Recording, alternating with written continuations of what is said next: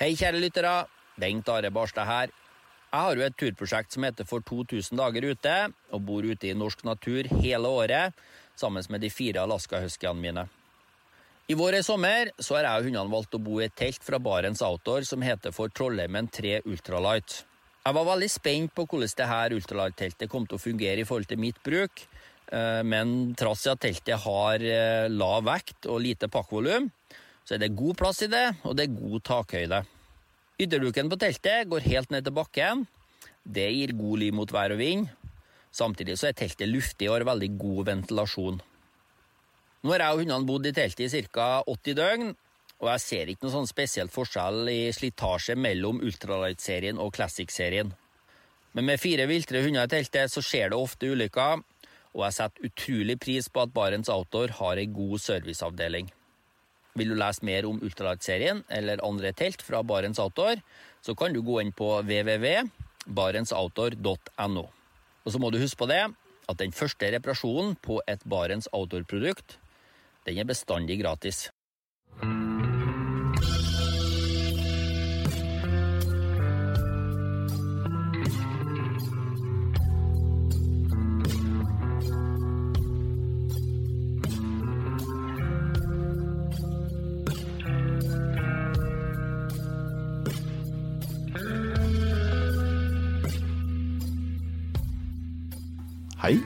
Og velkommen til podkasten Uteliv. Dagens gjest var med på førstebestigninga av Trollveggen. Han var i 1971 første nordmann til å delta på en Everest-ekspedisjon.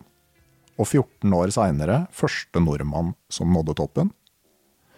Han har gått på ski der ingen andre har tenkt på å spenne treplanker under føttene. Har en rekke førstebestigninger i norske fjell. Og det her, det er bare toppen av et gigantisk isfjell av eventyr. Hjertelig velkommen til Odd Eliassen. Ja, takk. Og Norge har jo mange eventyrere. Mange som har gjort masse ekspedisjoner og turer, og har spennende merittlister. Men jeg har jo nå tenkt at dersom man skulle rangere de her eventyrerne ut fra brøken meritter delt på eksponeringsbehov, da tror jeg at det er vanskelig å se for seg hvem som skulle havne over der på lista. Ja vel. For eh, du har, så vidt jeg vet, aldri skrevet en setning om turene dine. Jo, jeg har vel det, men, men det har ikke vært noe sånn eh, Jo da, altså jeg har skrevet i Vimen en gang, husker jeg, for lenge siden. Og, eh, men det er ikke mye. Nei. Jeg hadde vært i, vært i A-magasinet, tror jeg, i Aftenposten. En Ja. eller annen- en eller annen Og ikke noe sånn mye foredrag og sånne ting? Nei, det har jeg aldri likt. Nei. Men eh, nå har Stein P. Aasheim, som er med oss for å eh, være eh, sidekommentator i dagens episode, God dag, god dag, ja. eh, skrevet boka om deg og dine eventyr.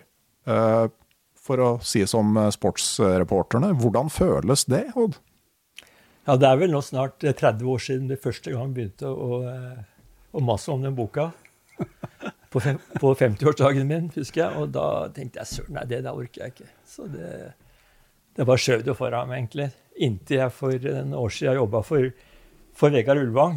Så fortalte jeg at Stein vil skrive bok, da. Vegard kjenner jo også Stein veldig godt. Og så sier han til meg at faen, du er idiot hvis ikke du lar Stein gjøre den drittjobben og skrive bok. Du må tenke på ungene dine og de som er de som er etter deg. Og det er vel, det er vel 28 år siden vi eh, begynte å snakke om at nå skal vi starte, i hvert fall. Nei, Det, det er, det er iallfall ikke Odd som har mast seg til denne boka. Det er helt riktig. Men eh, jeg har jo fått lese den på PDF foreløpig, og, og må jo si at altså, det er jo ikke alle bøker som gis ut i- dag som du føler at på en måte egentlig trengs. Men spesielt en del av det jeg har lest om her, så har jeg jo tenkt at altså, det her, det er kulturhistorie. Blant annet det som handler om, eh, om klatring. Altså det er på en måte historien om hvordan sport, som jo da er kultur, eh, fikk sitt inntog i Norge. Vi er på plass hjemme hos deg i Asker, Odd. Eh, Det er en nydelig dag eh, tidlig i oktober, og jeg spør, som jeg normalt bruker i starten av en episode, har du hatt en fin tur eller naturopplevelse nå i det aller siste? Ja da, jeg var på fjellet, ja, på Jotunheimen nå i helga. Vi har hytte oppe på Espegarden, og der var det jo utrolig fint nå, da. Med, med høstfarger, og første snøen har kommet. Mm. Og kuldegrader kommer. Så nå eh, Så jeg kom tilbake i går derfra, da. Ja. Hva gjør du når du er på hytta? Nei, Jeg går på tur, jobber litt på hytta. Mm. Koser meg fælt der. Ja, ja for du, du er tømrer av uh... Ja, nå er jeg pensjonist, da. Mm. Men, eh, men jeg har jobba som, som tømrer ja, hele mitt yrkesaktive liv, egentlig. da. Mhm. Og det har vært veldig takknemlig jobb. Da kommer du rundt, ikke sant. Hvis du liker å være på farten, da, så er eh, Du ser jo at du gjør noe, at det blir noe etter deg når du er ferdig med jobben om dagen. Mm. Og det er en veld, veldig takknemlig sak. altså. Og så kommer du rundt i verden hvis du har lyst på å jobbe i forskjellige land. Det har vært veldig privilegert, altså. Mm. Ja, Du sier du har vært privilegert, men det handler jo kanskje også om å evne å ta de mulighetene som kommer seilende din vei. Ja, det kan du si. Ja. Mm. Men det med friluftsliv, det er jo noe du blei eksponert for tidlig. Jeg har notert en far som begynte å gå på ski på det første rimet på høsten. Ja da, han var ekstrem. Tenk tilbake på det nå. Han var jo, han jo råd til å gå på ski, altså. Han, eh, I marka særlig. Det var ikke noe særlig på fjellet. Det var, det var marka som var, eh, var hans område, egentlig. Du vet, Den gangen så, så kunne du ikke reise noe særlig. En sånn bil hadde du knapt, ikke sant. Det gikk jo ikke tog overalt heller, så det Nei, han dro meg med så, så tidlig jeg kan huske, eh, innover i marka, da. og jeg hang bak han, tror jeg, i tau de første, første årene. i hvert fall. Han dro meg over de lange vannene. da. Og det ga mersmak, det, altså. Det der, eh, Ja, altså sånn å bli tatt med sånn på lange skiturer fra man er liten, altså det kan jo slå begge veier. det, det kan slå begge veier, ja. Mm. ja. Har du tenkt på hva som gjorde at du omfavna det og ikke hata det? Nei, det har jeg ikke tenkt på. på jeg jeg syns alltid det har vært eh, innmari moro å gå på ski og være underveis i marka. altså. Og, eh, jeg tror jeg aldri, aldri har hatt noe sånn lyst på noe annet egentlig enn å dra på tur fra jeg var liten. altså. Mhm. Enten, enten gå Altså, jeg driver og fisker, er selvfølgelig fint, og alt dette her. Vi eh, fiska jo masse i marka. Både, både på vinteren, pilka, og, eh, og sommer, da. Og, eh, og far også fiska ganske mye, men det var særlig det å gå på tur, altså gå på ski, som var, var hans, eh, hans greie. da. Mm. Jeg husker på slutten da, at han gikk jo her på Så fort det kom rim i gresset, så var han ute med, ute med skia sine. Mm. Men du og kompisene dine begynte jo ganske fort å dra på lange turer, altså først på sykkel og seinere vinterturer. Ja, altså, altså broren min han var, han var også råd til å også dra på tur. Han, vet, han, da vi gikk på gymnaset, så sykla han herfra opp til Narvik, tilbake via Stockholm og hjem igjen. På en sånn gammel sykkel uten gir, med, med altså ballongdekk. da. Og, Det var hans sommerferie, da. Ja. eh, Han fortalte, fortalte mye om det, husker jeg. Jeg ble, jeg ble veldig tent på det der. Ja, Narvik, dit er det jo Åssen ble det der? Det er jo en sånn 1200-1400 km herifra? Ja, og så sa han Jeg tror de tok tog over til Kiruna, og så, og så videre nedover Sverige, da, tilbake igjen. Mm. Det er en, god, er en god sommerferie, det, altså. Ja, men altså, du sto jo ikke noe mye tilbake for det der, du heller? Altså Ja, ikke de distansene han, han greide å få med seg, men jeg, var, ja, jeg begynte jo tidlig, jeg også. Jeg gikk på måtte vært i femte eller sjette klasse, første turen vi dro med telt, husker jeg, og eh, skulle ned, på, skulle ned til Larvik. På en sånn, en, eh, en sånn speiderleir. Jeg, var speider litt en gang. Men det kokte bort ganske fort. Men i hvert fall så, så sykla han ned der, og, eh, og så i sjuende klasse, siste på folkeskolen, så, så sykla vi til med en kamerat til Stavanger. Tok nattbåt opp til Bergen, husker jeg. Og eh, toget over til Hergastøl og sykla hjem igjen. På, eh, Ja, altså i siste Når du var 12-13 år gammel? ja, 13 vel. Mm. 13-14, kanskje. I syvende klasse på folkeskolen, ja. Mm. Hva tenker du om det sånn i I dagens dag, kontekst? det, I I dag så hadde ikke det gått med den biltrafikken. så var det i hvert fall ikke så. Sant? Vi hadde jo ikke noe ordentlig kart. Vi skulle være, vi visste vi skulle ned og bade på sjøsanden i Mandal, husker jeg. Det var altså første mål, da. Og så var det, altså, var det sykkel over jern, hadde vi hørt om. Og så, og så vi eh, Nei, det var ganske, ganske artig. Alt gikk bra, da. Vi fikk jo mye hjelp underveis. Og jeg husker vi kom hadde veldig motvind over jern. Så kom det en sånn bakebil. Kjørte bak oss og tok oss igjen. Og han eh, sa at dere må ikke, må ikke sykle i den vinden her. Så tok en sykkel bak i bilen da, og kjørte i stykker med, med de. Og så, og så kom, kom oss videre etter slutt da, inn, til, eh, inn, til Sandnes og, og Stavanger. Da. Det er bra da, liksom, når du starter herifra og første målet i Mandal. Ja, det var, det var vårt, husker jeg. Å skulle bade der. Vi, vi hadde hørt om den sjøsanden. Der var det så innmari fint å bade. Ja. Innfridde forventningene. Ja, ja, det var fint. Ja. Det Men var det- i Syden den gangen, vet du. Ja. Men jeg ser også du har uttalt at uh, faren din var en svært sparsommelig mann, men at det ikke gjaldt turutstyr. Nei, altså, han, han var innmari flink til å få til ting. Han, eh, den sykkelen som broren min hadde da han sykla til Narvik, den overtok jeg da. Mhm. Og den, eh, da malte den, den var, da malte den ifra ja, Den var svart først, og da, nå ble den malt av blå. Og så satte den på skvettlapper, husker jeg, og, som han lagde til. da. Og så husker jeg de første alpinskiene Vi hadde jo en hytte oppe på Geilo. sånn Far jobba i NRK, og da, da hadde de en sånn, en, en sånn omformer på Geilo som han hadde med altså vedlikehold av. Da. Og da, da hadde han eh, hadde han høvlet ned hoppskiene til, eh, til broren min, som jeg skulle ha som sånn alpinski. da. Og, eh, og lagd de lettere. Og da, da kunne jeg kjøre disse bakkene på, eh, da på Geilo. Mm. Og det var, det, var, det var gøy, det husker jeg. Det der, å kunne kjøre alpint. da. Mm. Men så begynte dere å sove ute om vinteren. Ja, jeg kom jo på, på etter hvert på realskolen, da. Og så var det en klassekamerat, Helge, Helge Bårdseth, som eh, hadde en svoger, så vi eh, Vi skulle dra på, på sånn telt og overnattingstur i, i Nordmarka, da. Det var vært tidlig på vinteren, altså. Det var i hvert fall kaldt.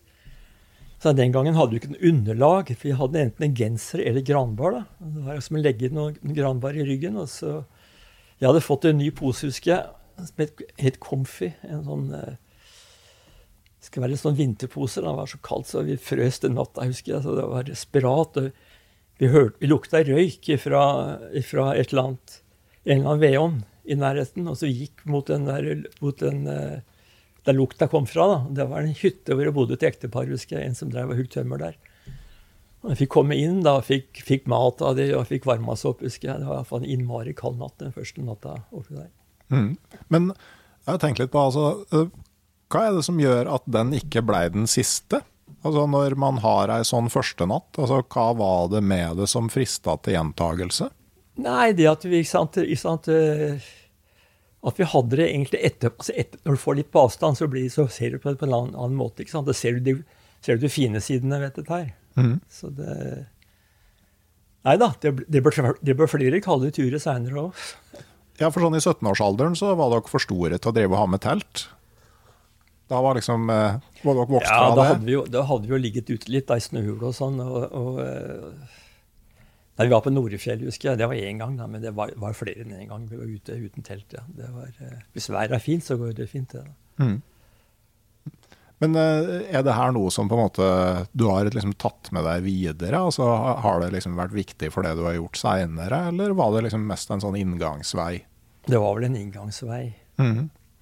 For dere, både du og, eh, og Helge, søkte etter hvert mot klatring. Og på den tida her så var jo klatring Det var et lite miljø som drev på oppå Kolsås.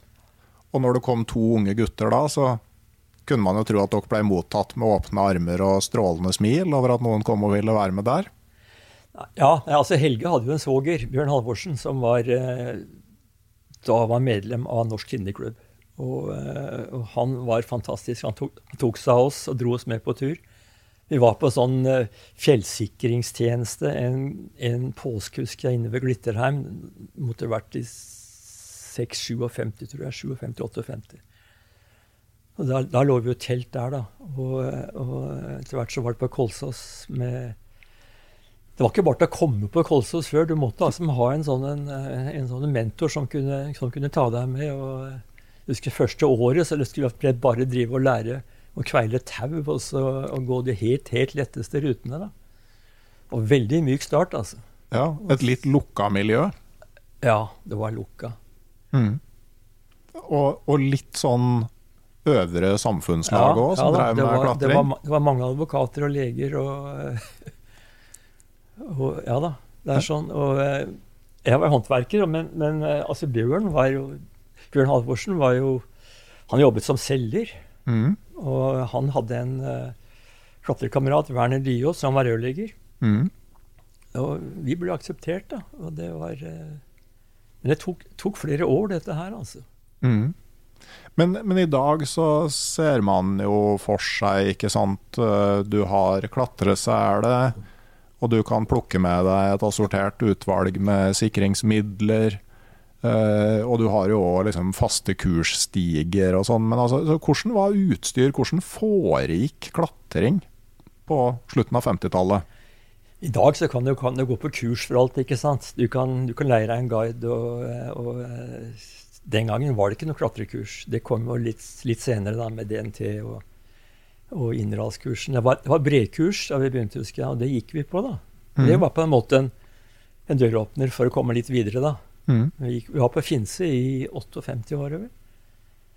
Og gikk eh, opp på, opp Hardangerjøkelen. da.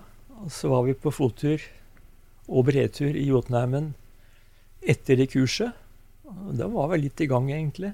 Mm. Så var det altså, artig å tenke på at det er jo det har vært moro å vært på de fjellene og de fjellene og, og se noe mer da, mm. enn de breene. Ja. Rent sånn praktisk, hvordan klatringa på Kolsås eh, foregikk? altså sånn hva hadde man sånn av sikringsmidler? Altså, for jeg hørte det var jo veldig sånn strengt på den tida at den som leda, skulle ikke falle. Ja, det var jo det, var det viktigste. Altså hvis du Hadde du et fall der på Kolsås, så ble det, ble det lagt merke til. Og, og, det var noen som falt, ikke sant. Og det, det, skjedde jo ingen ulykker som jeg kan huske i farten nå, da, men, men det, det, å falle Du skulle ikke falle. Du skulle kunne, kunne stoppe og klatre ned igjen. Mm. Og veldig mye gikk vi jo med tau, tau ovenfra, altså, altså, med sikring oppe, da, på, i hvert fall til å begynne med.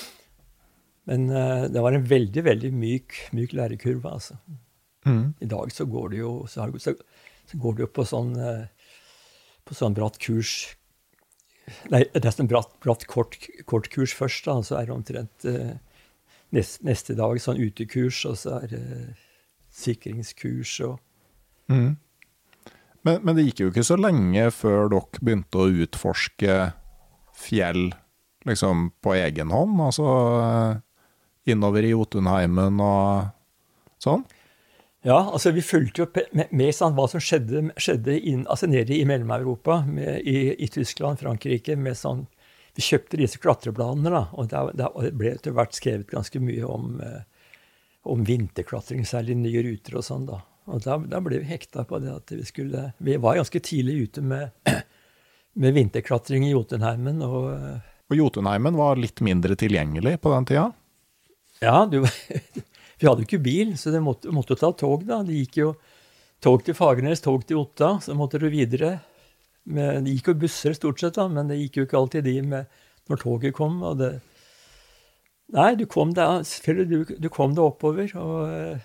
Ja, hvor lang tid kunne det gå fra du starta fra Oslo til du kunne begynne å faktisk Nei, det, klatre? Det var jo, var ofte, var, ofte var det nattoget opp, opp, til Otta, så måtte du videre da, til nei, ja, til Otta, ja, og så videre til Lom. ikke sant? Og så, og så gikk det så høyt, høyt bussen kom opp, opp i Bøverdalen. da, Så kunne du begynne å gå på ski innover mot Turtagerø. Eller over Finse der, ned, ned til Flåm. Båt over til over til Kaupanger, buss innover Sognefjorden, eller, Sogn, eller, inn mot Sogn, da, opp, til, opp den veien der. Det var, var ofte, ofte, en dag, altså natt, natt, og en dag, det, da. Mm. Og så skulle du inn dit hvor aktuelle fjellet lå, da. Ja. Mm. Da, sånn... da, var det å gå på ski og bære tunge sekker, da. Altså, telt og mat for en ukes tid og klatreutstyr, det veier det, altså. Mm. Og brennstoff og Er det noen spesielle fjell du husker fra den tida? Nei, det, altså, vi begynte, begynte jo borti Horungene. Nei, vi, vi begynte vel egentlig oppe i eh, oppe ved bygningen, altså oppe mellom, de, de fjellene mellom, mellom bygdene og Gjende. Mm. Svartdalen og rundt der sånn med, med vinterbestigninger.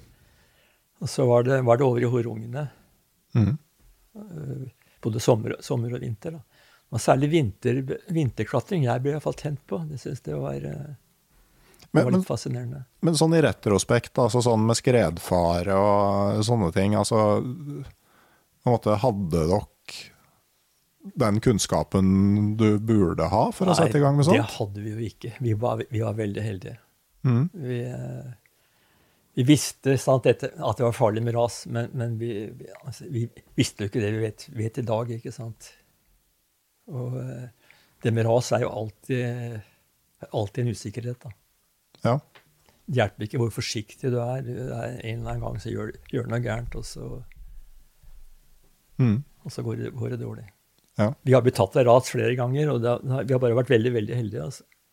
ja, Var det ikke sånn at det var, eh, der inne var en som dere sklei omtrent hele veien ned igjen fra en topp, men det var den ene skulle søke medlemskap i Norsk Tindeklubb, så man måtte holde det hemmelig? Det, det var i, ja, ja, det var i Svartdalen, ja. Ja. Kan du ikke fortelle hva som skjedde her? Nei, de hadde gått første limpbytting av Knutsjolstin. Det var da Bjørn, Bjørn Halvorsen og Werner Dyås. Vi var, eh, Helge og jeg var sånne læregutter. vi, skulle, vi, skulle, vi var bærere for, for de da. Vi lå i telt nede i, eh, like ved Torfinnsbu. Og de starta tidlig om morgenen, husker jeg, og de kom ikke hjem. Det var mørkt. Og så langt utpå natta kom da, kom da Werner, husker jeg, og sa de hadde blitt tatt av ras.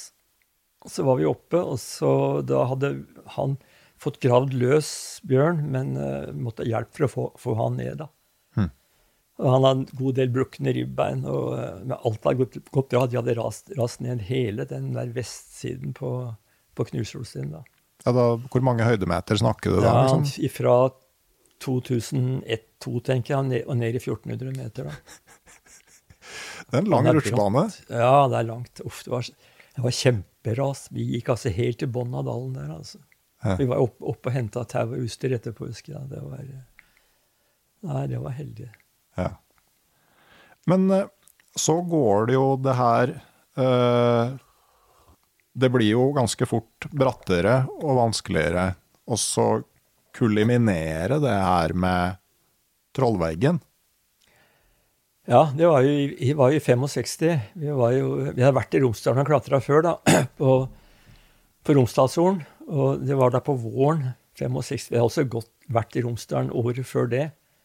Jeg var jo på Vengetinn med Nils Faarlund om vinteren i 63, tror jeg det var, ja. I februar. En sånn todagerstur.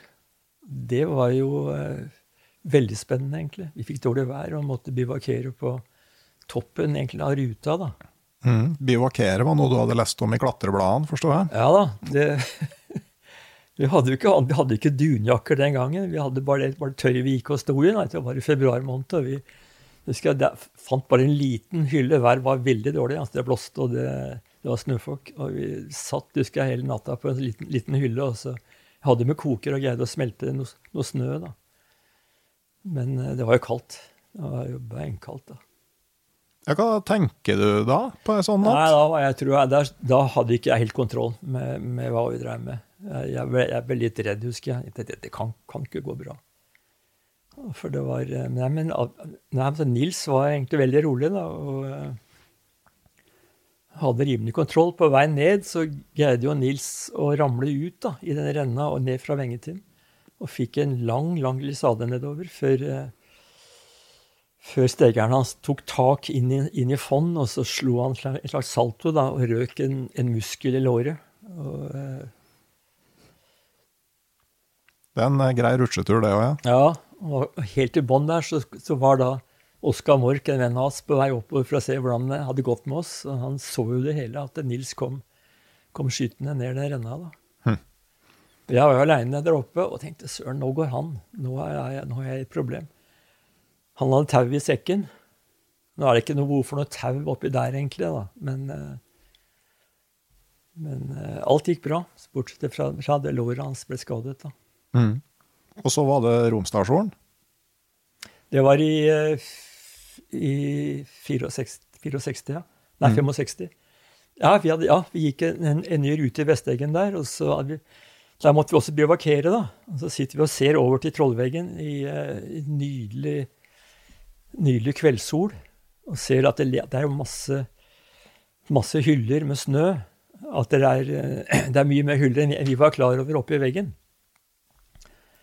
Mener, det skulle da, altså, det vokst, da vi har fått, fått altså blod på tann etter å ha gått en ny, ny rute på Hornet. så eh, Vi må videre. Men 65, altså bare for å holde litt sånn styring på tidslinjen, altså er det da sju år siden du møtte opp på Kolsås og aller nådigst fikk lov å kveile tau det Ja. første året. Ja, Så omtrent. at det, ja, da, det går jo ganske fort framover, da. ja, det gikk veldig fort framover.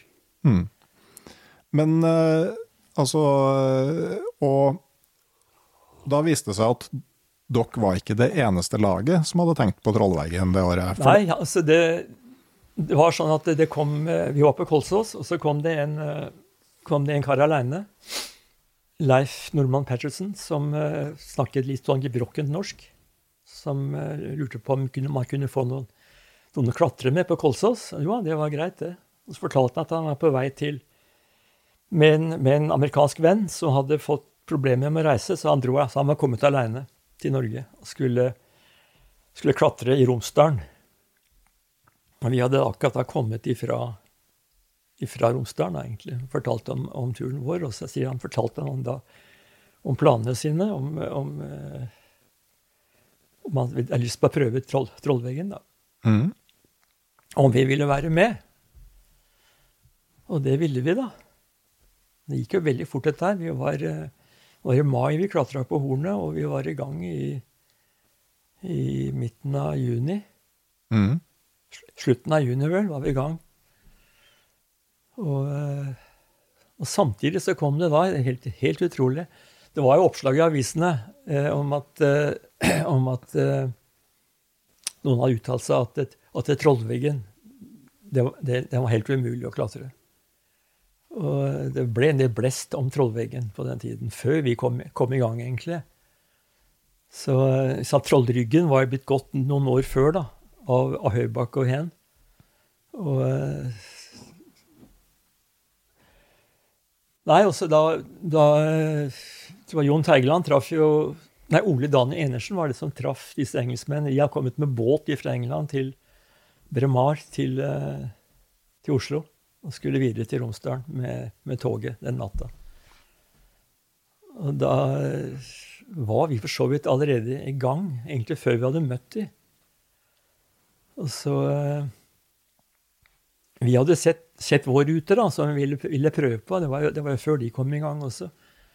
Og de hørte om oss, og de var selvfølgelig like, like livredde for at vi skulle ta deres, eller gå opp i deres planer. da.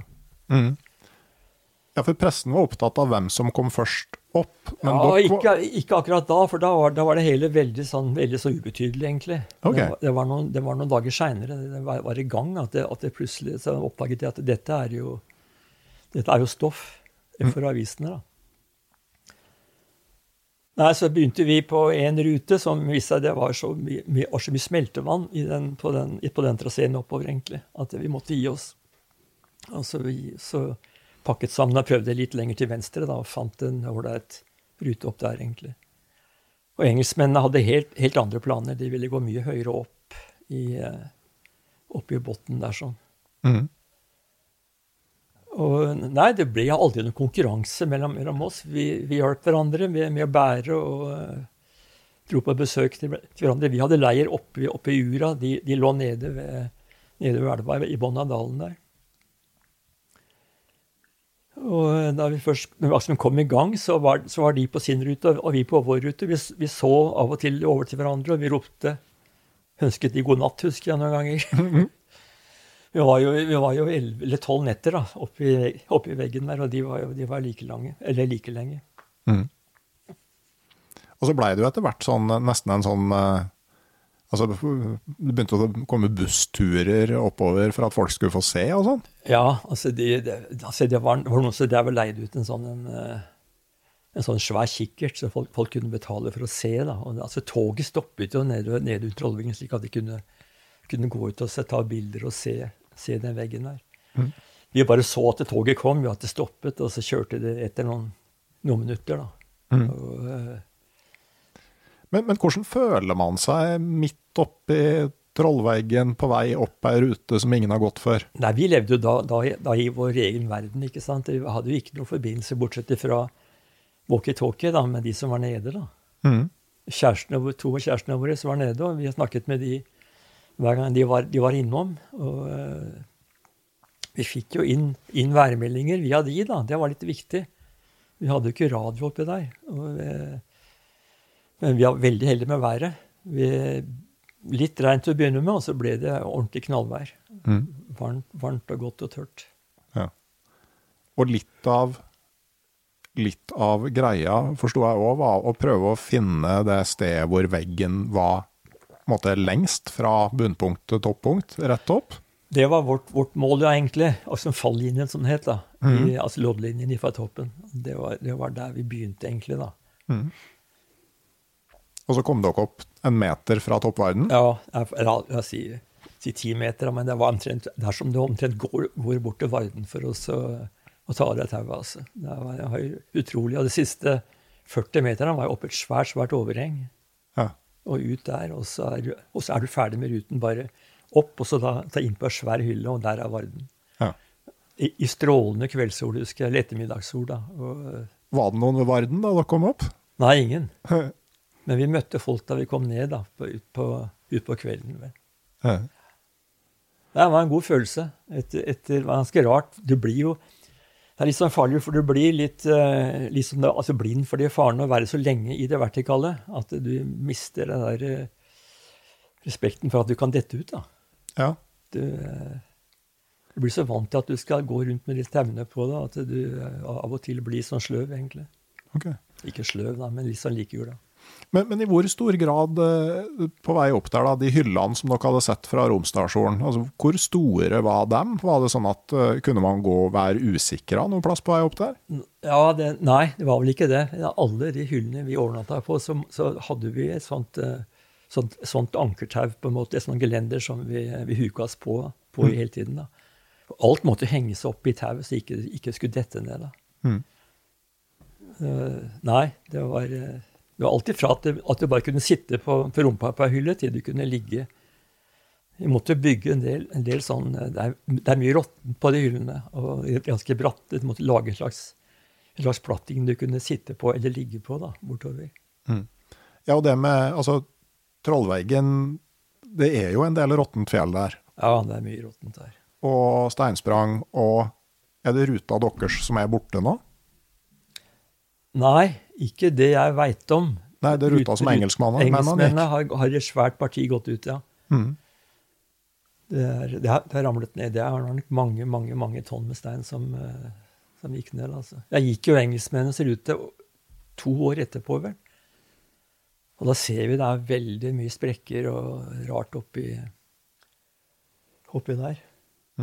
Du hører jo, altså eh, Jeg som den litt mer sånn trygghetssøkende har jo stått eh, i elva og fiska. Men du hører jo hele tida at det kommer deisende stein nede der. Ja, det er nok også er nok mer i bevegelse nå, tror jeg, enn det var da vi var der for uh, 65. Det er nok mer som raser nå, altså, tror jeg, de siste, siste årene. Mm. Men uh, etter Romsdalshorn så kan jeg jo si at uh, dere i større grad begynte å søke ut i verden og etter hvert. Eh, og det å liksom dra på klatretur i Kaukasus, f.eks. Uh, det å komme seg dit var jo ikke helt trivielt. Nei, altså Russland var lukket på, på den tida. Egentlig på, altså da de åpnet de for uh, utenlandske turister, egentlig. I 67, var det vel?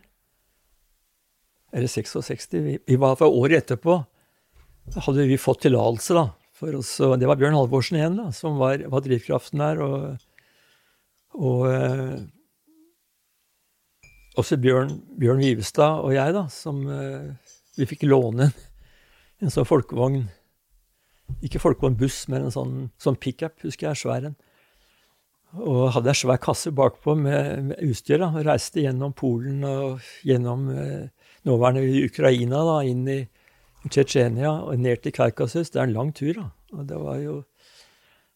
Men vi måtte ha tillatelse til alt. Vi måtte lage en sånn reiseplan hvor vi skulle være hver natt. Og dette måtte bli godkjent av, eh, av, av russerne, av Inturist. Og vi eh, måtte vi, vi, hadde med en, eh, en guide husker jeg, fra, fra Moskva, egentlig en sånn påpasser, mm. ned til Kaukasus. Og da reiste, det var ei dame, hun reiste tilbake igjen. Så kjørte vi gjennom, gjennom Georgia etter vi klatra på var på Elbros og på Urspa, to topper der. Elbros er det høyeste, da, i Kaukas, egentlig det høyeste i Norge. da. Urspa er en eh, lavere Norge. topp.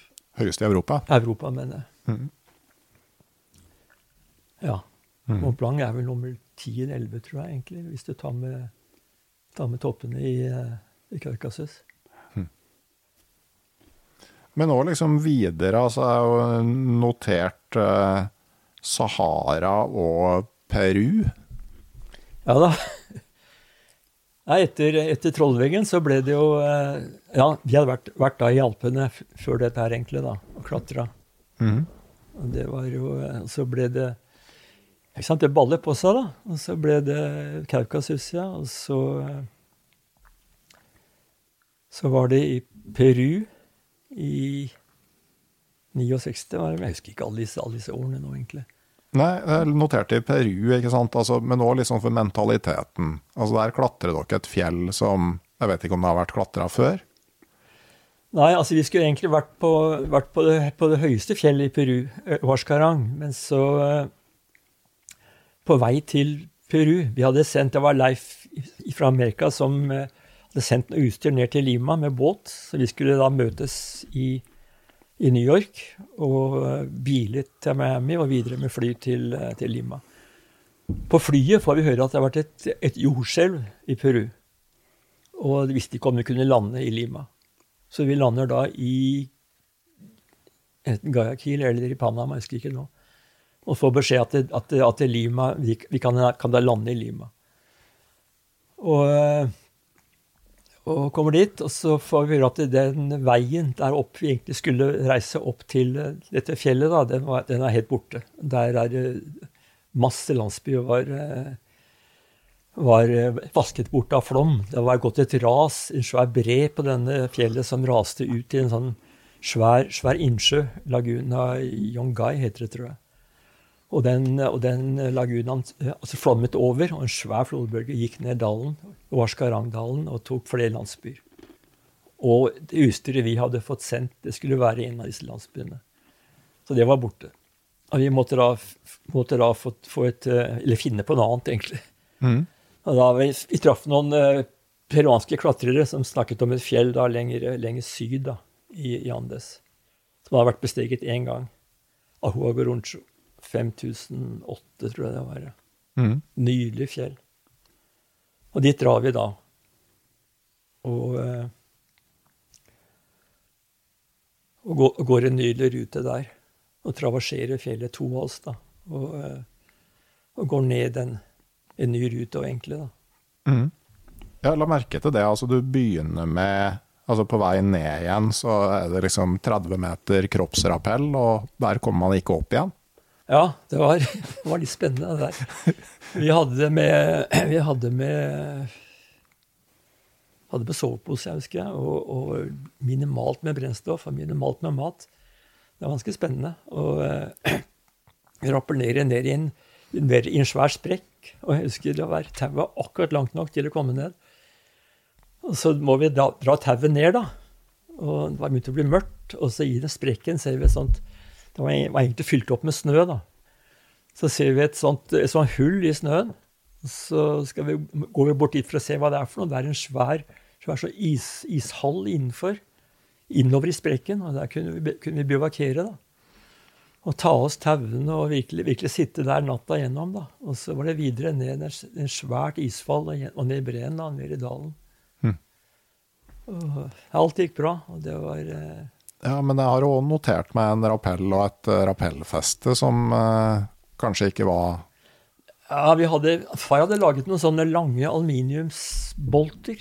Sånne, av noen sånne vinkeljern som vi hadde med. Som var eh, en meter lange nesten. Og noen rør.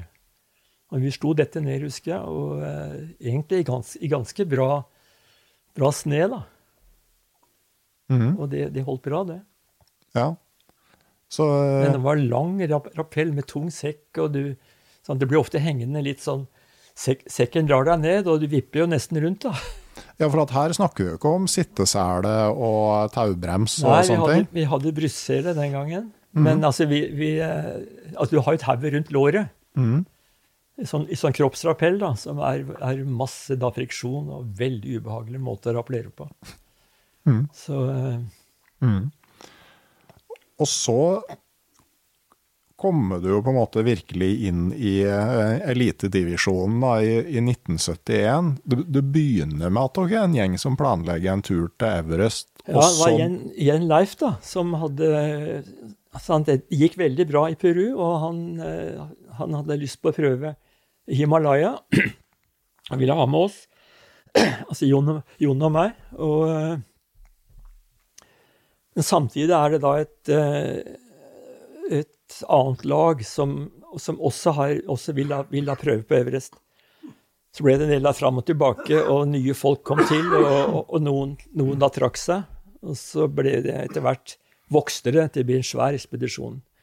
Støttet av FN, blant. Med, de kalte det eh, Welt Seilschaft, altså verdens masse, med Klatrere fra mange, mange nasjoner skulle gå sammen da, om, om å gå en, en ny rute på Mount Everest. Ja, det her skulle jo liksom symbolisere hvordan folk fra ulike nasjoner kunne kunne samarbeide. Sammen, ja, samarbeide. Vil du si at det fungerte etter charteret? Det begynte jo veldig bra. Ja. Men uh, begynte veldig bra. Alt gikk bra. Og uh, det var Vi følte oss veldig små i den der, Jon og jeg. Vi, i den, eh, i, denne gjengen her. Det var, det var de beste klatrerne i, i England, i Frankrike, i Sveits, Italia, Mm. Amerika, ikke minst. Og uh, inntil det hele egentlig fikk det, det, Altså, det, det endte i en, en tragedie med en, en indiske klatreren som har vært på toppen av Everest før, første indieren på Everest. Han uh, hadde overnattet oppe i Han gikk altså to forskjellige ruter. da. Det var, det var Vesteggen. Du skulle traversere over fjellet og gå ned. Og så var det da et lag på sydveggen. Jeg var på Vesteggen da, sammen med Jon Teigeland og han, han indiske og en, en østerriker. Og, og, eh, ja, og en av, en av engelskmennene. I hvert fall så kom det uvær, og eh, de hadde ligget oppi Han østerrikeren og inderen hadde ligget oppe i leir fire fått etablert den på ja, 8, på 7008-7009 et eller annet sted på Vesteggen. På vei ned så mister eh, så blåser eh, mister han, han indiske klatreren Ashbaguna ene votten sin. Og det, vi hadde hengt opp noen tau, faste tau over en lang, lang travers over et sånt isfelt dagen før. Og de kommer ned til den enden av det tauet da, og finner det og begynner å traversere bortover. Så forfryser han fingrene sine, og været blir dårligere. Og eh, helt på, på slutten av den traversen så, så kommer han ikke videre. Greier ikke, greier ikke å åpne karabiner og så huke over. Og så istedenfor da, du kan si, aks, da, som var egentlig my, mye bedre form Istedenfor å gå tilbake for å hjelpe, så mente han kanskje var det beste at han løp ned til, til, be- til, eh, til leir to for å be om hjelp. Da, at vi kunne komme opp for å hjelpe til å bære Ebagona ned. Og eh, vi var jo tilbake Dette var jo på 7300-7400 meter. Dette skjedde da vi hadde leiren på 6006. Og vi var oppe der når mørket kom, men så ble det jo forferdelig dårlig vær. Og eh, jeg var først oppe, egentlig. Og så han, han hang på det tauet da med Altså begge hendene var eh, Han mista andre votten også, og, og eh, tøyet hadde altså det hadde blitt dratt opp av buksa slik at maven var bar, og han, han var ganske, ganske dårlig, ja. Og da, så, så kommer de andre òg, da. egentlig like, like, bak. da. Og så prøver vi å dra han med oss de siste meterne mot det faste, bortover det faste tauet, men altså mot denne vinden. Vinden kom fra vest, da. Og Det er en lang historie, egentlig, men i hvert fall, vi, vi måtte bare gi oss, egentlig, for det ble så dårlig. Vi hadde bare Vi hadde ikke nok batterier den gangen på hodelyktene. Vi hadde fått med en gasslampe helt, helt tilfeldig. Så en gang i løpet av natta så må vi la han bare henge der, egentlig, og, og, og komme ned, ned da selv. da. Og vi kom ned da om morgenen, da. Og, eh, nei, det, det var guffent. Ja. Og ja, kort, altså ekspedisjonen gikk i oppløsning. Ja, etter det så ble det Så kom det Så, så fortsatte dette uværet, da. Det varte jo i ti dager. Vi hadde ikke fått opp nok forsyninger opp i leir to ennå, så vi gikk tom for mat. og etter hvert vi måtte begynne å spare på maten og på, og på brennstoffet. Og det var Det raste mengder med ras mellom leir 1 og leir 2. Og eh,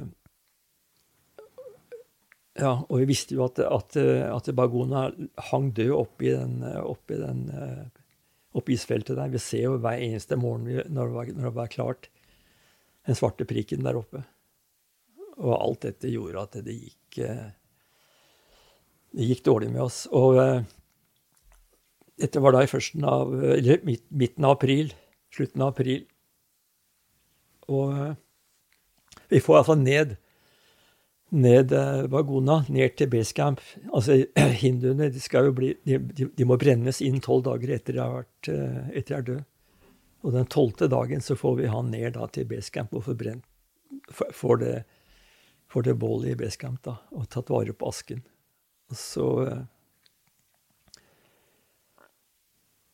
Så ble vi enige om også, også dropp, altså var, da, da, begynte det å bli snakk om å droppe denne vesteggen og heller samle alle ressursene på, på, sydveggen. Og da var det noen som skjønte at de ikke hadde muligheten til å komme på toppen. Det var en del stjerner her som var veldig fokusert på å komme fra, fra å bli den første fra forskjellige land da, på toppen. Og sånn gikk det egentlig litt sånn i oppløsning. Mm. Og du sa at du aldri skulle tilbake til Everest? Ja, ja jeg synes det, det var, Fortsatt har jeg problemer med den der, med 18. april, når den dagen, dagen kommer. Jeg synes det var Jeg vet, han Bagona, før han skulle opp, så ba han meg å sende et telegram til Vi, vi hadde sånn, sånn morse, sånn telegramforbindelse med i Basecamp da, til uh, hans kone, eller til ungene hans. Han hadde, hadde to tvillinger. Og de jeg mener de fylte syv eller åtte år eh, den 18. april. Det var da noen dager før da, han gikk opp i fjellet. Og jeg glemte å sende dette telegrammet, husker jeg. Og den, eh, den 18. april så dør han, altså. På fødselsdagen til ungene sine. Mm.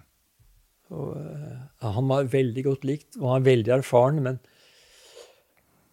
men er du ute i dårlig vær, du, du mister ene votten. Det er veldig fort gjort å miste et eller annet når det blåser. Mm. Og du er kald. Så uh, marginene, det veit vi, det er jo små på Everest. Ja. Så lenge været er bra og alt, og, og alt du, har, du, har, kontroll, så går det bra. Men uh, Små feil blir store? Små, ja, små feil kan bli katastrofe. Altså. Mm. Men uh, det tok jo ikke bort lysta di til å klatre store fjell. For neste år så var du jo, i 72, så var du i Afghanistan på 7492 meter over havet. Ja, det er riktig det. Men eh, så vidt jeg forstår, så var det nesten det største eventyret å komme seg dit og komme seg tilbake igjen i folkevogn. Ja, vi hadde egentlig ikke råd til å altså, sende alt utstyret med båt eller med fly da, til, eh, til, Afghanistan, til Kabul. Det går ikke båt dit, da, men det går båt til, eh, til Pakistan, eh, til Karachi. Men det koster penger. Og, så vi, vi, regnet at det ville bli billigere å ta med oss alt herfra, og så, og så biler bort. Og det er en lang biltur, da. Gjennom Europa og gjennom Tyrkia, Iran, inn i Afghanistan. Dårlig, den gangen på veldig dårlige veier. Tyrkia hadde, hadde, lite asfalt husker jeg, på veiene. Det var, det var grusveier og vaskebrett. og... Hva vil du si hadde størst risiko, bilturen eller klatreturen? Nei, da var det nok eh, bilturen som var sammen med faren. Det er, jo, det er jo masse trafikk, og det er dårlige veier, som sagt. Og det, du ser jo ser ulykker hver dag, nesten ikke hver dag, men i hvert fall veldig ofte. Mm. Vi kjørte veldig mye om tidlig tidlig om morgenen når det var lite trafikk, og, eh, og ga oss uh, utpå dagen, da. Og, uh, altså kjørte mer sånn. Mm. Ja, det var tryggest, egentlig. da. Så det er liksom risk management på kjøreturen her. Vi syns det, var- det var det tryggeste, ja. Ja. Men uh, hva tenker du liksom, altså dere var jo i Afghanistan, og da ehm, Og da var det jo fortsatt et litt sånn vestlig orientert regime Ja da, der. da var det veldig, veldig rolig og flott der. Og, Ja. eh, vet vi kom ifra i, i, i, i, Iran, da, hvor det var veldig masete og eh, og så oppjaget i Teheran, husker jeg, med, med masse, masse folk. Og så kom vi inn, inn over grensen til Afghanistan, hvor folk er rolige. og De var ikke vant til, vant til altså, turister den gangen noe særlig i Afghanistan. Det var eh, Men eh, hvis vi hopper litt framover her, da, så, eh, så er jo på en måte Everest 1985 det er jo kanskje en sånn der foreløpig kulminasjon på, på det her. Ja, altså jeg, jeg, jeg tenkte at etter jeg kom tilbake den gangen, det var aldri mer, mer Mount Everest. Og så havnet jeg i Tanzania, var der på, på Kilimanjaro da, og jobbet der i tre år. Og så eh, fikk jeg vel et brev fra Arne Næss om at Eller ja, det var et brev jeg fikk om at han hadde søkt på Mount Everest og fått tillatelse i Dette var i 78, tror jeg det var. Mm. Og da sa jeg vel sa jeg, Det var jo du som eh, Du som satt bak der og dro gjennom noen tråder, gjorde du ikke det? Tror jeg Kanskje var jeg som foreslo deg, ja. Eller jeg vet ikke om jeg Eller vi, jeg var iallfall Jeg vet ikke om jeg dro i noen tråder, men jeg, jeg var eh, Jeg var iallfall med på å dra deg. Ja, jeg var i hvert fall ikke så, så innmari keen til å begynne med, husker jeg. Men, men eh, du får det litt på avstand, og så plutselig så får du, eh, får du lyst igjen, da. Mhm. Og så var det kanskje en ekspedisjon med litt andre prinsipper. Ja, det var, var betydelig mindre enn det svære.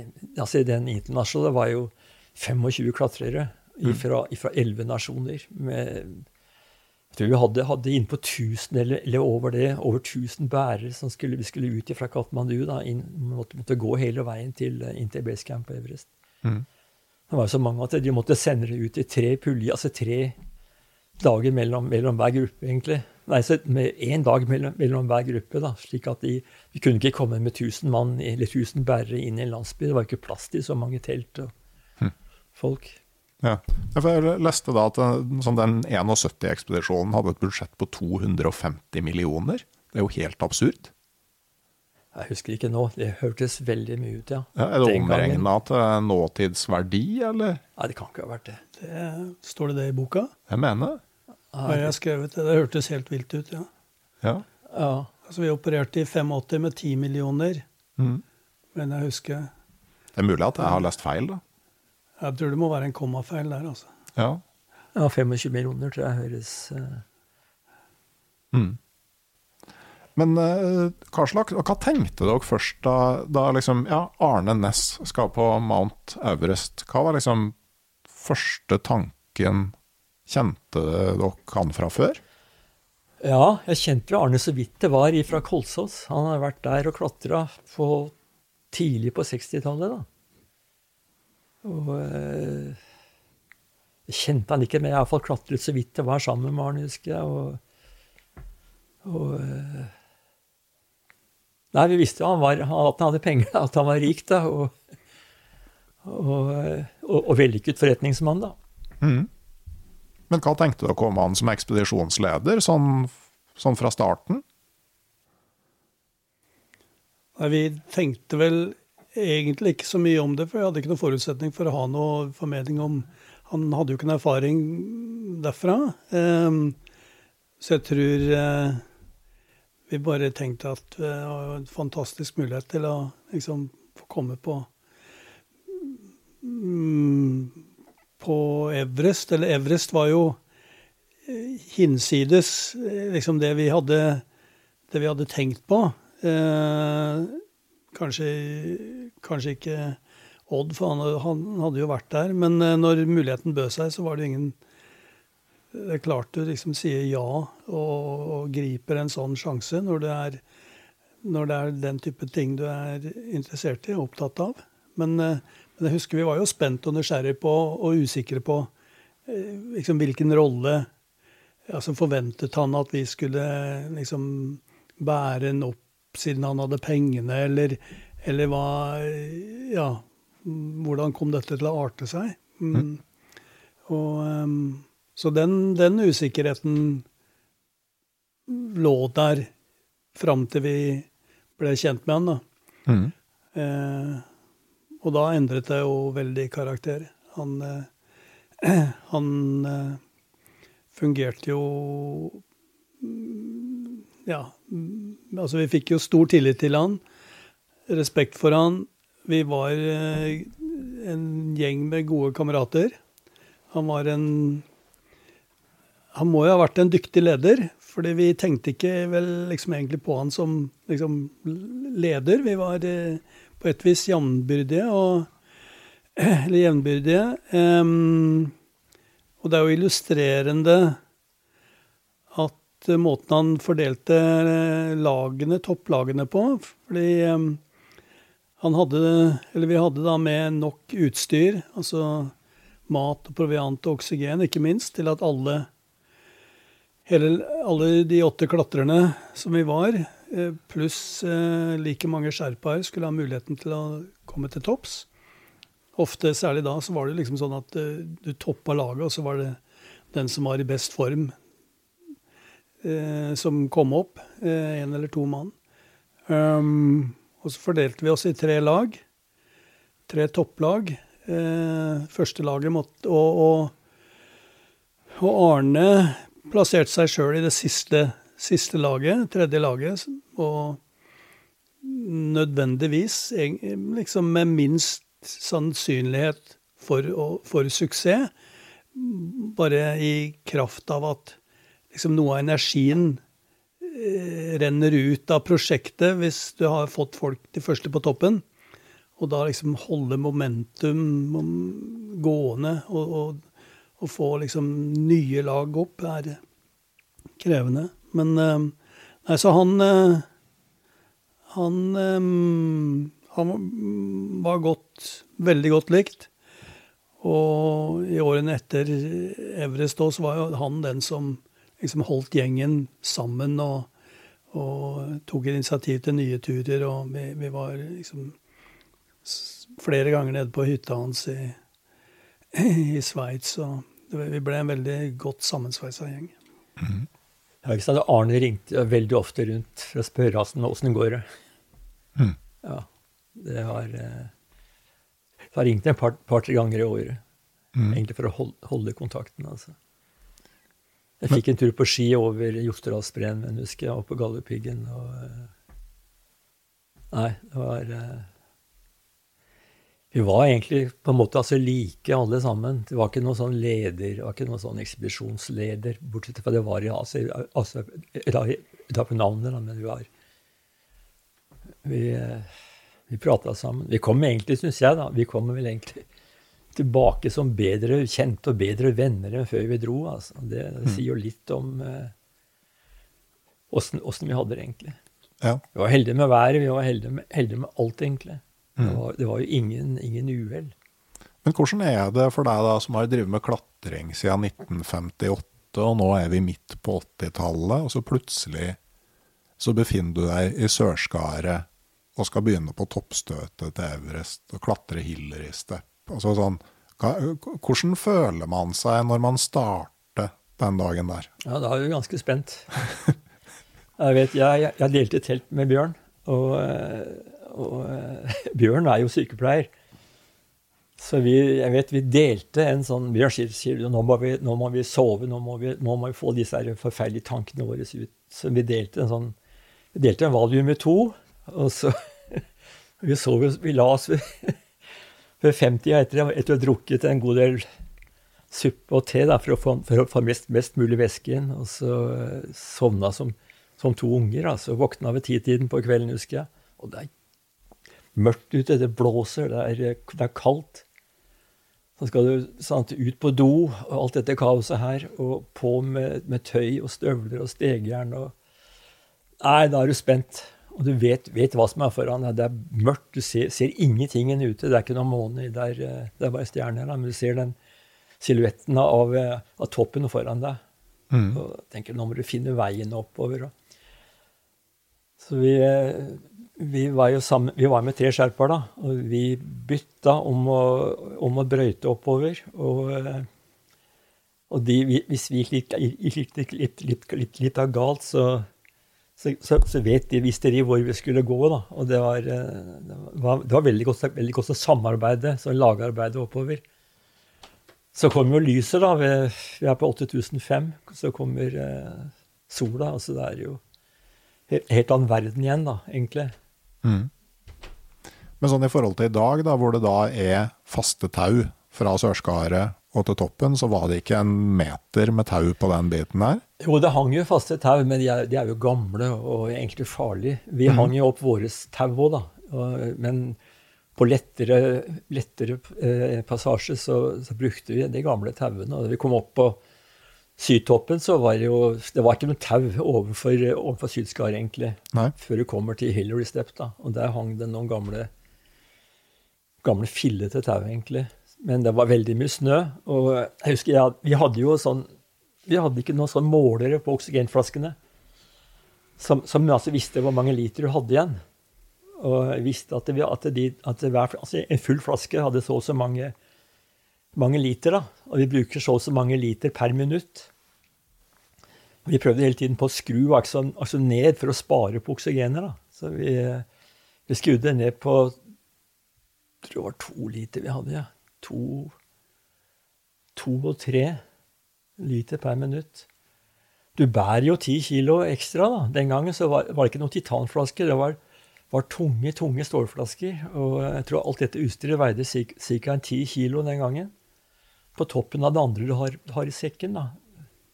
Mm. Termos med, med, et eller annet vann og eh, Ja, ikke noe særlig mat, egentlig. I hvert fall så kom jeg til at vi, vi ville gå tom når vi var oppe i Sydskaret, nei, oppe på oppe Sydtoppen, at vi ville aldri i verden greie å komme oss opp og ned igjen med det vi hadde, hadde med igjen da, i oksygenflaskene våre.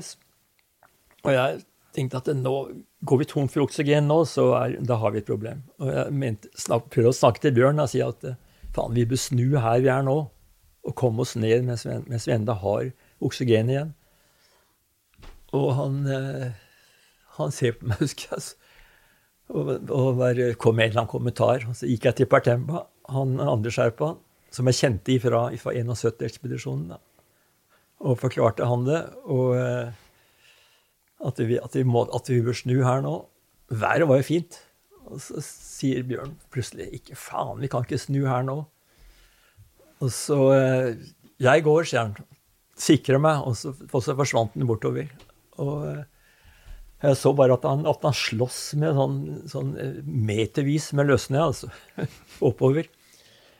Og jeg fikk sikra han etter hvert. da, og så Han har gjort en, en en kjempejobb opp den der eh, den, altså Hillary er ikke noe det er, Hvis det er bart, så er det jo eh, antar jeg, ikke noe sånn veldig vanskelig teknisk, men, eh, men, med snø så er det jo beinhardt og tungt, altså. Og han fant vel noe tau inne i snøen der som han greide å holde i, og så, og så ble de borte, og så, og så, kom han opp til slutt, da. Mm. Og fikk, eh, fikk sikra oss andre opp. Så jeg kom opp vel som nummer to etter Bjørn. Og så, og så ble det med at jeg skulle bare gå videre, for det er ikke plass til så mange på toppen av Hillary Step. Og så tok han opp Pertemba, vel, og så kom, kom Chris etter Pertemba. Og det var veldig lett, da. Videre bortover til, til Hotoppen, så var ikke noe problem. Det var egentlig veldig luftig og utsatt, men eh, ikke noe sånn Ikke noe bratt lenger, da. Hiller Step er det siste, siste brattet, så er det egentlig en liten stigning bort til toppen. da. Mm. Og hva tenker du når du da tar de siste stegene opp? Nei, Da er du jo veldig glad at det ikke er mer motbakker, da. For det er, det er, det er, du er veldig sliten, og det du, du går jo på minimum av oksygen, og du bærer ganske tungt i sekken. da. Altså, Endelig er det ikke noen motbakker. Og så er du oppe, og så er du selvfølgelig veldig glad, men så blir du hele tiden hele tiden så spøker i bakhodet det at du skal ned igjen. Mm. Og at eh, jeg var fortsatt eh, livredd for at det skulle gå tomt for oksygen, husker jeg. Mm. Og jeg visste at den, det partiet mellom sydtoppen og den, eh, og den, skul, og den skulderen som det het, hvor vi hadde lagt igjen noen flasker på vei oppover, det er eh, veldig utsatt. Veldig sånn Du går på sånn, sånn, sånn blanding av is og, og pilråtten kalkfjell. Og, eh, altså veldig, veldig hard is. Du skal, du skal av og på med stein og inn på, inn på is. Ikke faste tau. Mm. Og Ja. Og du skal helt det skal helt ned, ned i Sydskar, ja. Ja. ja. Det, er, det er jo lettere da, når det kommer ned, ned på den skulderen, så er det lettere terreng egentlig å gå i. Men litt ned så er du veldig utsatt, altså. Mm. Og vi man- var enige om at hvis vi kom ned før det var mørkt, da, så skulle vi fortsette videre ned til ei tre for å altså ikke overnatte i, i Sydskaret. Det er en sånn, en sånn rottefelle, egentlig. Hvis det blir dårlig vær, så har du problemer med å komme ned. Og det kan ikke være all verden tid oppi der før du, eh, før du blir dårlig. Du, egentlig, du, du bruker mer energi på å være der. enn Du kan, kan, ikke, kan ikke ta deg igjen. Og så Nei. legger du om kvelden, så er du mer sliten om morgenen. For Sydskaret er det på omtrent 8000? 8050, er ikke det der, Stein? Ja, men ja, noe sånt. noe rundt det det, er omtrent 8000, det, da. Og det er et forferdelig sted. altså. Det er bare pil råtten stein der, og det er, det er kaldt der. Forblåst. Forblåst, ja. Men når dere da liksom Altså, har du fortsatt igjen å ta deg gjennom isfallet før du er Ja, er i er, basecamp? ja, det er det som er eh, Arsène Bøygen, ikke sant? Hvis du skal gjennom det isfall også, også like hel, da. Mm. Så vi fortsatt Vi, vi lå da i leir tre, Bjørn og jeg, og for, og får, eh, får sendt beskjed ned til basecamp at vi har vært, vært oppe, da. Og at alt har gått bra. Chris overnatter i Sydskaret sammen med, med de tre sherpaene. Mm.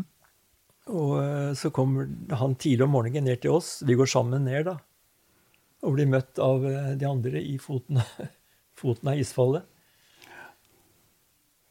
Det var stas, det. Det var stas, det, ja. Det var, eh, det var, da først da er det virkelig se, da. da kan du altså slippe de der bekymringene i hodet om at eh, du må gjennom isfallet enda en gang. Altså. Ja. For det er en sånn russisk rulett. Altså.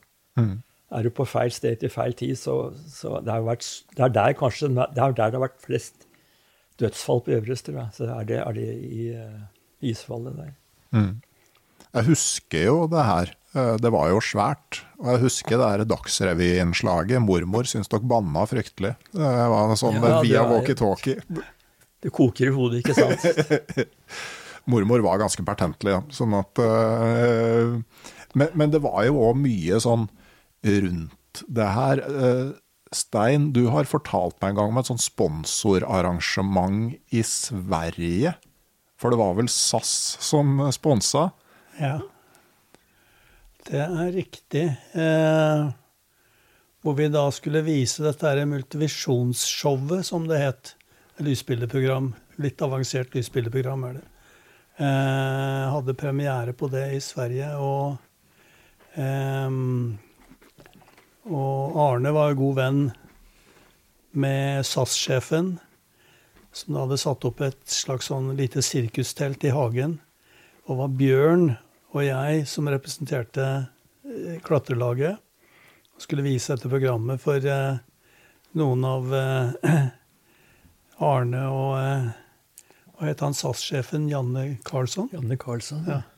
Eh, også noen av deres nærmeste venner da, i Sverige. Ja, og da er det jo liksom Som, Wallenberg og Gyllenhammer og den type navn, Ja, liksom. og, og kongen og dronningen og mm, prinsesser og det som var. Eh, Kong Carl og hun Sylvia var der, og ja. Det, det, og, eh, så det var jeg ganske Og så var det bespisning etterpå, da. Så det var jo ganske heftig, det.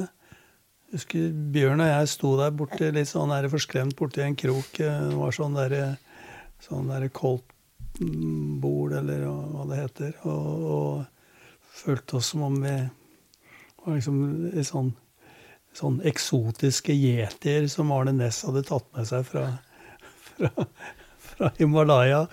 Og de så på oss, og hun, hun der dronningen kom bort til oss, og, og Bjørn og jeg sto ved siden av hverandre sånn rett i ryggen og, og så helt forskremt ut. Og hun stoppet liksom halvannen meter foran oss, da var det nærmeste hun turte å komme.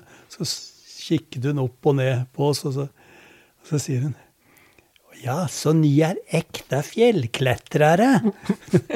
og vi sa ikke et ord, vi bare nikka stivt. Ja, det, det stemte, det.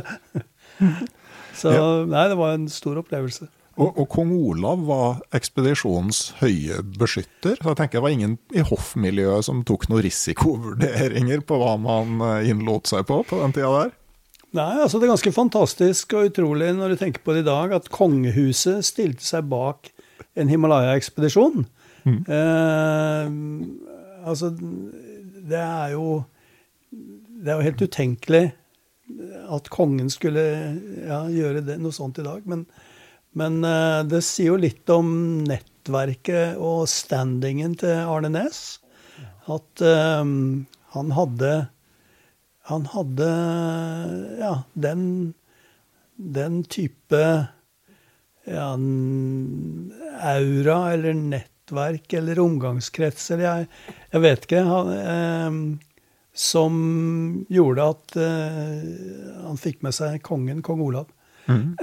Så eh, kongen var på Vi hadde et sånt eh, hjemkomstparty da, på Grand Hotell. Eh, Da var, da var Arne blitt eh, sammen med Diana Ross, så hun var der òg. Så det var liksom, det var Oslo-piffen liksom, i, øverste sjikt. Og kongen. Og, og Pertemba kom fra Nepal, og det var eh, Det var, eh, det var sus over velkomstpartyene den gang, ja. Mm. Ja, og dere ble til og med invitert for å drikke sherry med kongen. Vi ble invitert på kongens hjem til kongen, ja, oppe i slottet hans, på Sherry. Og skulle fortelle, liksom redegjøre for eh, denne ekspedisjonen. da. Han sitter da ved enden av bordet, og vi, det var et langt bord. Og vi satt på hver vår side av dette langbordet, og så sitter vi der og prater. Forteller, og så oppdager vi plutselig at han har sovna. Kong Olav satt på enden av bordet og sov. Så vi ble jo da litt sånne villrede. Liksom, eh, hva, liksom, hva er kutymen når kongen sovner? Skal man da liksom eh, hoste og harke og sparke den i leggen, eller skal man liksom liste seg stille ut og ikke vekke kongen? Men han, han våkna heldigvis av seg sjøl, da, og, før, vi, før, før vi gikk.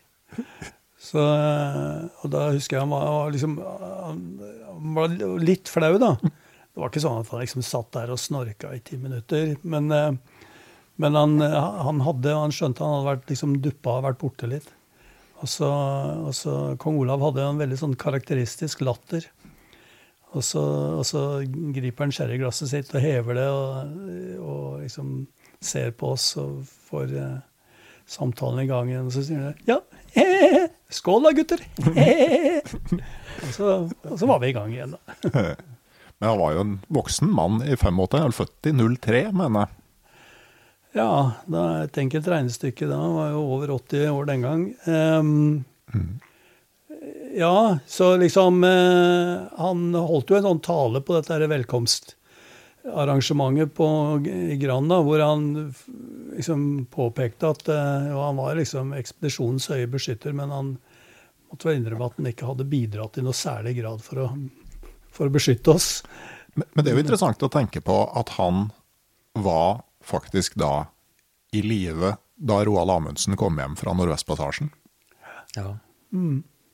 Så han fikk med seg ja, de sentrale ekspedisjonene i norsk uh, adventure-historie. Ja, da. Nordvestpassasjen og Sørpolen og Everest. Ja, ja, ja. Det er litt Ja.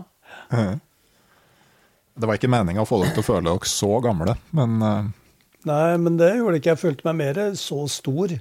Liksom når du trekker inn Amundsen og ja. Ja. Her forlater vi Odd Eliassen og Stein P. Aasheim, men vi fortsatte samtalen i godt over en time til. Da prata vi bl.a. om skiturer på Kilimanjaro, i Marokko og Kashmir. Om å krysse Grønland med samme utstyr som Nansen. Om å dra på tur med Reinhold Messner. Og om å bli arrestert i Mongolia mistenkt for mord. Dessuten prata vi om hvilke eventyr som er igjen til dagens eventyrere. Den delen av samtalen er forbeholdt langturkompiser og ekspedisjonsmakere i det digitale turlaget på Patrion. Der er det fort gjort å bli medlem. Du går bare inn på patrion.com, eller laster ned Patrion-appen. Søke opp podkasten Uteliv og velge medlemsnivå. Samtidig får du tilgang til 18 andre Patrion-episoder, eksklusivt stoff på nett, og du får muligheten til å være med og påvirke tema, gjester og spørsmål til framtidige podkaster. Jeg håper at vi høres der straks, men uansett så kommer det en ny episode av podkasten Uteliv om ei uke. Ha det bra.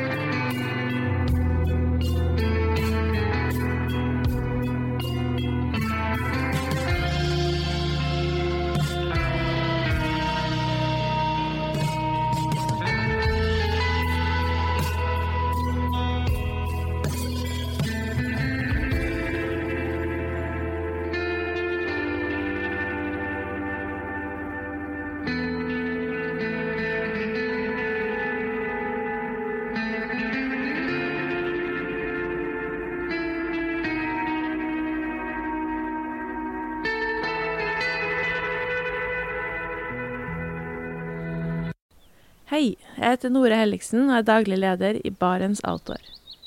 Det beste vi kan gjøre for planeten, er å redusere forbruket vårt og få mer ut av det utstyret vi allerede har. Men vi vet av erfaring at bruken av telt kan endre seg over tid. Det teltet du kjøpte for to år siden, passer kanskje ikke det behovet du har i dag. Derfor har vi i Barents etablert en egen panteordning der vi tar imot brukte telt av god kvalitet i innbytte når du kjøper et nytt av oss. Prosessen er enkel. På barentsoutdoor.no gir det oss informasjon om teltet du vil bytte inn.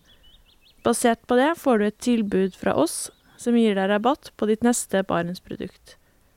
Mer info og betingelser finner du på barentsoutdoor.no. Og husk at den første reparasjonen på produkter fra Barents er alltid gratis.